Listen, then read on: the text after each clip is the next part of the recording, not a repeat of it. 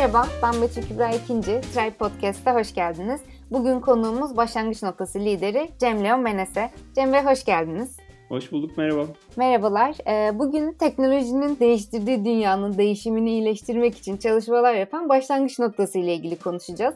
Neler yaptığını, e, yaptığı çalışmaların yapay zeka ile nasıl kesiştiğini değerlendirmeye çalışacağız. Cem Bey ilk olarak kısaca kendinizden neler yaptığınızdan bahsederseniz çok sevinirim. Tabii.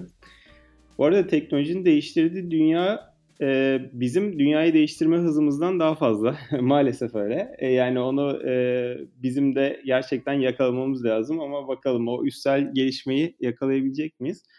E, ama güzel bir e, en azından tanım oldu diyebilirim. Ben e, benim adım Cem Leon Menese. E, ben e, Faruk Eczacıbaşı ile beraber çalışıyorum şu anda. E, ve aynı zamanda kendisinin kurduğu Başlangıç Noktası diye bir platform var. Türkiye Bilişim Vakfı'nın bir platformu bu. E, bir STK diyebiliriz.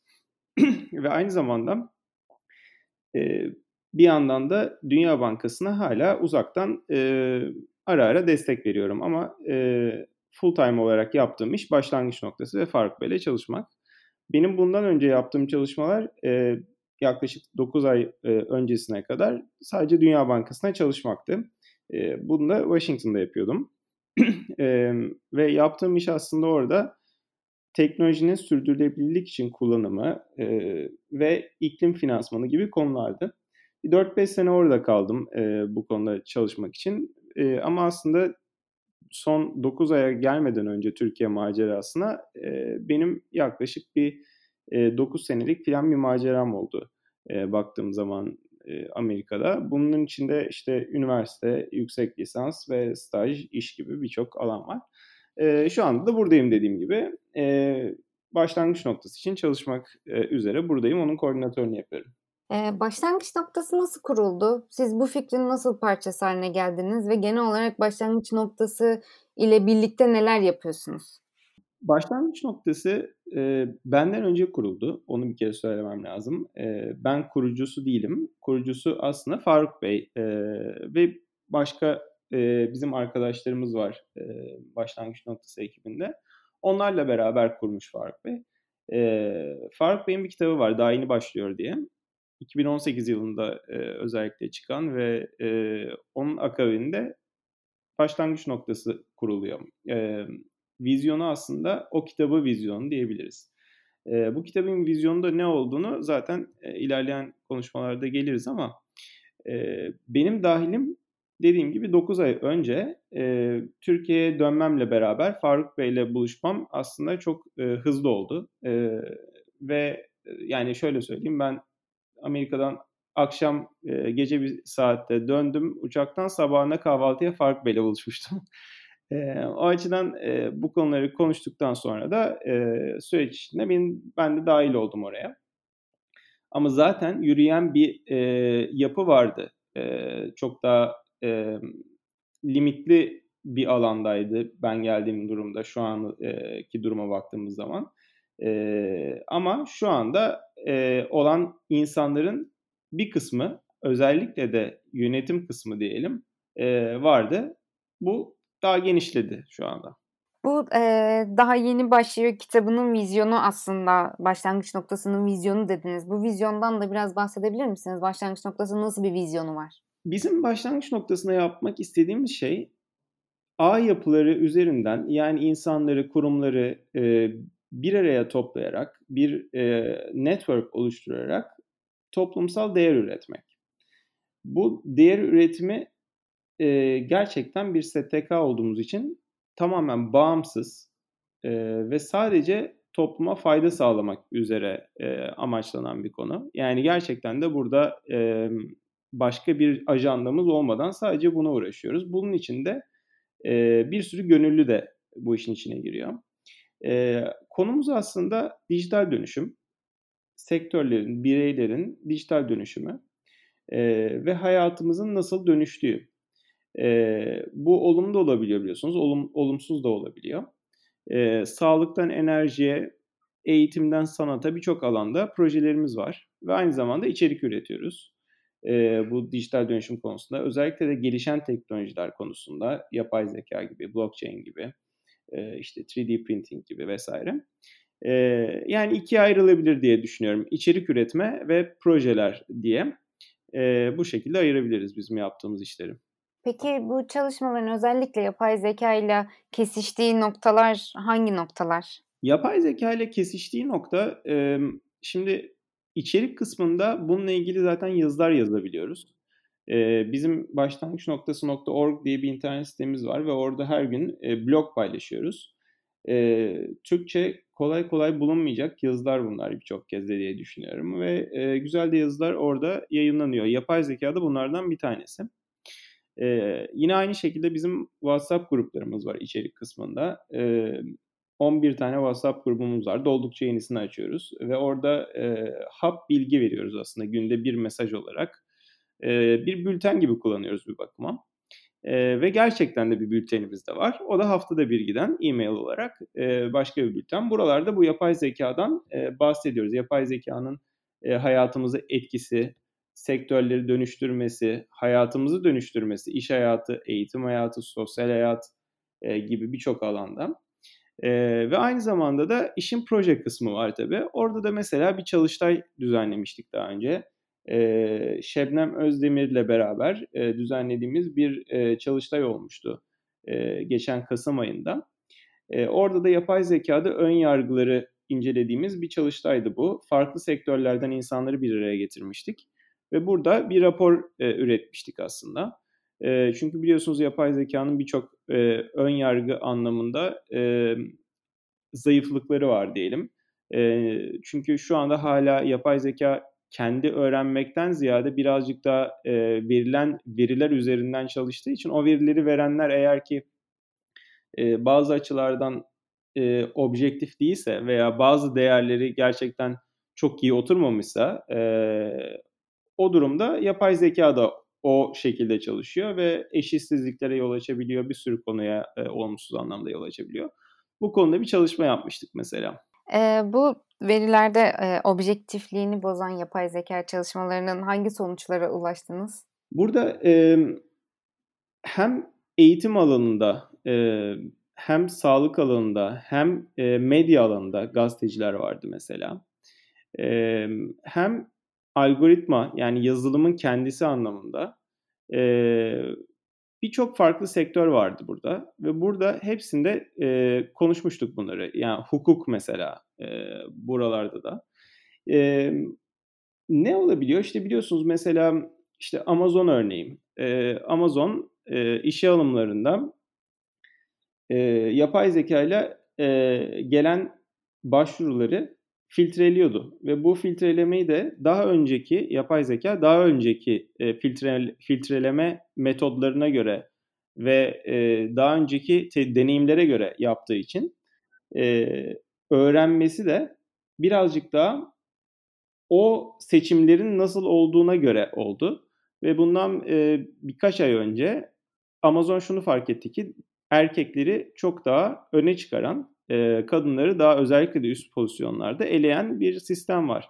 Çünkü daha önceden insanların elle yaptığı seçimlerde e, böyle bir eşitsizlik olmuş. Daha çok erkekleri tercih etmişler. E, yani eğer yetenekleri ve deneyimleri benzer bile olsa özellikle üst pozisyonlarda böyle olduğu için bu şekilde öğrenmiş yapay zekada. Bunun doğru olduğunu düşünüyor e, ve bu şekilde yapıyordu.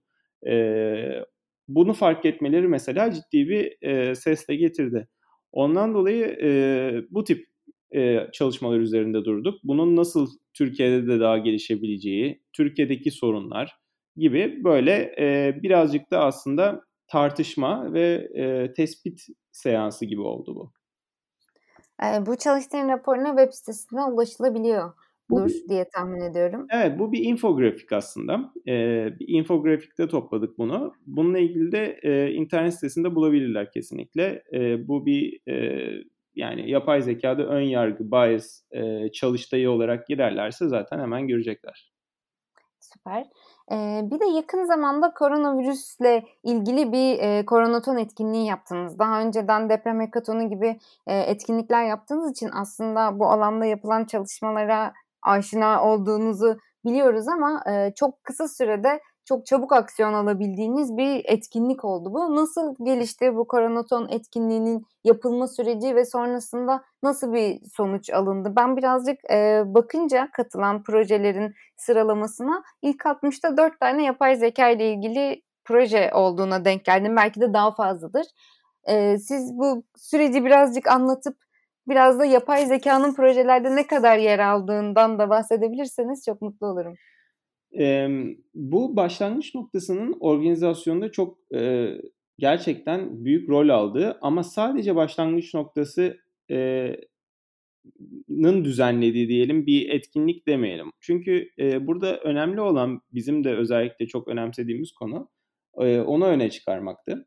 E, o da çok paydaşlı bir yapı olması. Kimsenin domine etmemesi e, ne bireysel anlamda ne kurumsal anlamda e, aslında tam olarak da bizim oluşturmak istediğimiz network yapılarına bir örnek olacak bir şeydi bu. E, çünkü biliyorsunuz hani bizim yapmak istediğimiz bugünün ve yarının problemlerini çözüm çözüm sağlamak. E, insanları bir araya getirerek, kurumları bir araya getirerek, e, verileri bir araya getirerek bazen. Ama aslında insanları e, veya belli networkleri oluşturarak normal şartlarda olmayan akışları sağladığınız zaman birçok problem aslında kendiliğinden çözülebiliyor. Çünkü e, A noktasında vermek isteyen B noktasında da almak isteyen var her birçok kez. E, onların bir araya gelmesinde çok sorunlar olabiliyor. E, her seferinde ortaya bir ürün çıkarmanız gerekmiyor. Bunları birleştirmek de ki zaten biliyorsunuz bir sürü bu e, yani şey olarak da e, gelir modeli yaratan bir sürü büyük teknoloji şirketi de bunun üzerine kuruluyor zaten kendi modellerini. Biz onun STK versiyonuyuz diyelim. Ee, burada yaptığımız şey Koronaton'da e, yani gidip de bu kadar fazla krizin, bu kadar fazla böyle stresin olduğu bir dönemde ki o dönem e, şu ana göre biraz daha da stresli bir dönemde ilk başladığı dönemler e, ve ilk evde kaldığımız, kalmaya başladığımız dönemler. E, çok hızlı bir şekilde aslında üniversitelerle işte İTÜ gibi, ODTÜ gibi, Boğaziçi gibi e, üniversitelerle ve onların girişimcilik e, bölümleriyle e, girişimlerle, STK'larla, işte e, kamu kurumlarıyla, büyük özel şirketlerle, e, yabancı e, uluslararası şirketlerle e, vesaire birçok farklı alandan e, kurumu bir araya getirmeye çalıştık. Ve bunu da iki gün içinde yaptık aslında. 50'ye yakın e, kurum bir araya geldi 48 saat içinde. Ve e, sadece kendi metodumuzu uygulayarak normal şartlarda olmayan bir metod oluşturduk. Tamamen uydurma yani o şekilde söyleyebilirim. E, ve tamamen e, aslında e, bedava olan araçları kullanarak ne bunlar? İşte Google Drive e, veya işte Zoom bu tip şeyleri kullanarak, uygulamaları kullanarak hem aramızdaki iletişime hem organizasyonu hem de katılan ekiplerin iletişimini kendi arasında sağladık. O da önemli çünkü. Kendi arasında sağladığınız zaman şu da olduğunu gördük mesela. Benim bir fikrim var diye katılan bir ekibin üyesi başka bir ekip üyesi bulabildi Türkiye'nin başka bir tarafından ihtiyacına göre. Ee, benim yazılımcı ihtiyacım var diye mesela bir gruba yazdığı zaman e, yazılımcı biri de gelip ben buna katılmak istiyorum dedi. Yani ortak akıl dediğimiz geleceğin iş modeli olan bu ağ yapılarını bizim görüşümüze göre e, gerçekten iyi uyguladığımızı düşündüğüm bir fikir bu. E, ve bu Koronton Türkiye'nin benim gözümde aslında e, daha devam da etmesi lazım. E, daha farklı problemler içinde. Çünkü bu bir iş modeli. E, biz bugün korona olur, yarın deprem olur, ondan sonraki gün işte işsizlik olur, yangın olur, başka bir şey olur ama e, insanların bir arada çalışması için e, bir model bence bu. E, yapay zeka üzerinde de e, özelinde de hani birçok yeni fikir geldi.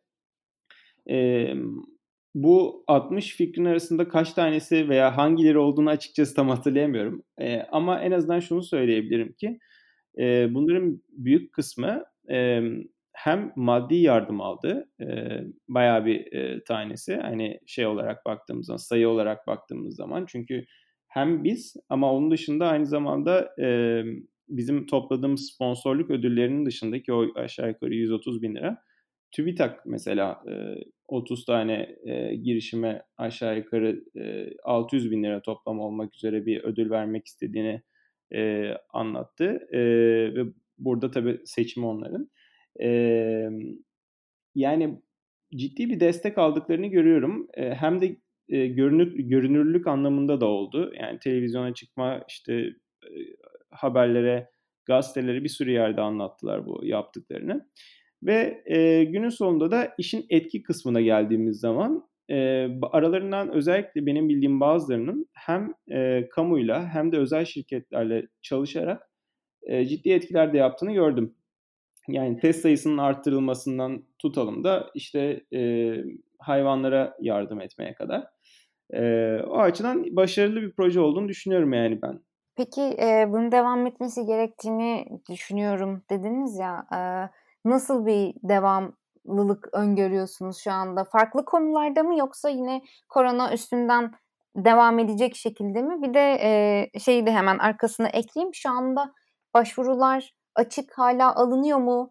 Ya da e, orada nasıl bir süreç işliyor? Koronaton'da şu anda bir başvuru alınmıyor. E, şu anda o süreç bitmiş durumda ama tekrar açılabilir o belli olmaz. E, şu anda Koronaton e, daha henüz bu platform kendini e, bütün diğer problemlere de e, çözüm bulacak çözüm bulma komünitesi diyelim bunu e, halinde tanımlamayı kendi içinde e, bitirmediği için e, şu anda aslında ben bundan sonra şuna e, yöneleceğiz, buna yöneleceğiz maalesef diyemiyorum. Ama e, diyebileceğim başka bir platform var buna yine benzeyen başka bir e, bu sefer bizim yine e, organizasyonda ve e, kuruculuğunda olduğumuz.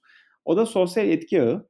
E, yine benzer bir konsepte, yine bir sürü farklı paydaşın yine domine etmeden olduğu e, ve sürdürülebilir kalkınma hedefleri için her e, kurumun e, 17 tane biliyorsunuz sürdürülebilir kalkınma hedefi var. Bunlar için çalıştığı e, başka bir ağımız var ki oraya e, şu anda herhangi bir paydaş e, sizi de davet edelim böylece. E, herhangi bir paydaş gelebilir, oraya girebilir üye olarak ve katkı sunmaya başlayabilir. E, burada da yaptığımız işler işte şu anda sağlık e, alanından başladık. E, yarın öbür gün eğitime geçeceğiz. Başka e, kalkınma hedeflerine geçeceğiz. Bu alanlarda yenilikçi, daha önceden denenmemiş, deneysel e, böyle farklı projeler yapıp sosyal etki üretmek. E, Koronaton'da umarım öyle önümüzdeki zamanlarda birazcık daha böyle e, kendi arasında da netleşip e, bu sürdürülebilir hale gelecek. E, sosyal etki ağına kurum olarak mı katılınıyor yoksa bireysel olarak da ya da böyle ekip kurularak da projelerle başvurulabiliyor mu? Sosyal etki ağı e, kurum olarak özellikle e, mutlaka hani bir temsilci veya iki temsilci e, hani yollayarak katılınabilen bir ağ. Ama e, eğer ki ben bireysel olarak katılmak istiyorum, şu şekilde yardım edecek edeceğim derlerse de e, seve seve alıyoruz biz. O tip e, bireysel katılım gösterenler de var. E, yani bizim burada yapmak istediğimiz zaten birlikte çalışabilme ve herkes ne veriyor, ne vermek istiyorsa, hangi alanda e, kendisini iyi hissediyorsa, hangi alanda çalışmak istiyorsa o alanda katkı sunması. E, o açıdan dolayı hani e, benim bir projem var ve ekip olduk şöyle bir şekilde katılmak istiyoruz diye de katılabilirler. E, fakat burada o projeyi yapacağız anlamına gelmiyor. Herkesin çünkü bunda hemfikir olması gerekiyor. Bizim e, istediğimiz şey o aslında. E, Koronatondaki gibi bir hekaton değil bu. E, projelerin yarıştığı bir şey değil. E, sosyal etki ağının bir farklılığı şu. E, kurumların bir araya gelip beraber bir şekilde bir projeye kanalize olup e, komple bütün e, kurumların kendi uzmanlıklarını masaya koyarak ve aynı anda duyuruları yaparak, aynı anda işte bütün çalışmayı yaparak e, o projeyi hayata geçirmeye çalışması. O açıdan e, biraz böyle bir yapı var yani. Anladım. Bir de ben size şey de sormak istiyorum. Ee, başlangıç noktasındaki çalışanların e, gönüllülerden oluştuğunu söylediniz. E, nasıl bir gönüllü seçimi var ve e, burada buraya dahil olmak isteyenler nasıl dahil olabilir? Bizim e, bütün projelerimizin gönüllüleri e, farklı farklı sektörlerde çalışan e, aynı zamanda üniversiteye giden öğrenciler e, birçok kez de. Yani iki farklı kategori var diyebiliriz. Öğrenciler ve e, genç e, çalışan. Profesyoneller. Heh, genç profesyonel. Young professional'ın şu anda tam şeyini arıyordum ben de. e, o şekilde iki tane yapı var. Çünkü özellikle gençlerin yoğun olarak bulunduğu bir yer. E, ama bu demek değil ki gönüllü olduğu zaman birazcık daha gönüllü e, olarak bunu biraz daha az önceliklendiriyorlar. E, şunu fark ediyorum. Bir kişi eğer gönüllüyse veya e, maaşlı çalışıyorsa hiç fark etmiyor. E, o kişi eğer ki bir, bir iş ciddi yapıyorsa, ciddi e, çalışabiliyorsa, işte disiplinliyse, e, verdiği sözü yerine getiriyorsa, gönüllü olduğu zaman da bunu yapıyor. E, o açıdan bizim yaptığımız bütün projeler, şu an ona yakın projemiz var, e, hepsi bir startup gibi çalışıyor aslında. Bayağı e, odaklanmış, hep, herkesin böyle elini kirlet, kirlet, kirlettiği şeyler, projeler bunlar. E, bu projeler arasında farklı sektörlerden projeler var. Sek, işte eğitimde, dijital dönüşüm, sağlıkta, e, işte başka başka farklı alanlarda, enerjide vesaire. Ama aynı zamanda bir de e, teknoloji bazında e, yaptığımız işler var. İşte blockchain gibi, e, farklı e, teknolojiler gibi, e, IoT gibi vesaire. O açıdan e, herhangi bir kişi başlangıç noktasının bu projelerinin bir parçası olmak istiyorsa e, bana ulaşabilir. Yani bana LinkedIn üzerinden veya mail üzerinden ulaşabilir. E, bana şunu söylemesi yeterli. Yani ben e, toplama fayda sağlayacak bir projenin içinde bulunmak istiyorum veya benim başka bir projem var. Ben onu yapmak istiyorum. Bu da olabilir. E, ve benim ilgi alanım şu. İşte sektör olarak bu. Eğer varsa teknoloji olarak bu. Bunu söylediği zaman zaten ben onları e, hızlı bir şekilde hani yönlendirerek e, aksiyona geçirmeye çalışıyorum. Çok güzel. E, o zaman biz bu podcast'in açıklamasına ulaşabilecekleri kanalları da eklemiş olalım. E, o şekilde oradan da ulaşmak isteyen olursa sizinle iletişime geçebilir. E, Cem Bey çok teşekkür ederim. Sizin başka eklemek istediğiniz bir şey var mı? Çok teşekkürler. Yok eklemek istediğim başka bir şey yok. Çok teşekkür ediyorum bu fırsat için. Ee, çok çok güzeldi e, sizle de konuşmak. Tekrar görüşmek üzere. Çok teşekkürler. Ee, bugün Cemre Menese ile başlangıç noktasını ve e, teknolojinin sivil toplum kuruluşları içerisinde nelerle e, ilişkilendirilebileceğini konuştuk. Bir sonraki Try Podcast'te görüşmek üzere. Hoşçakalın.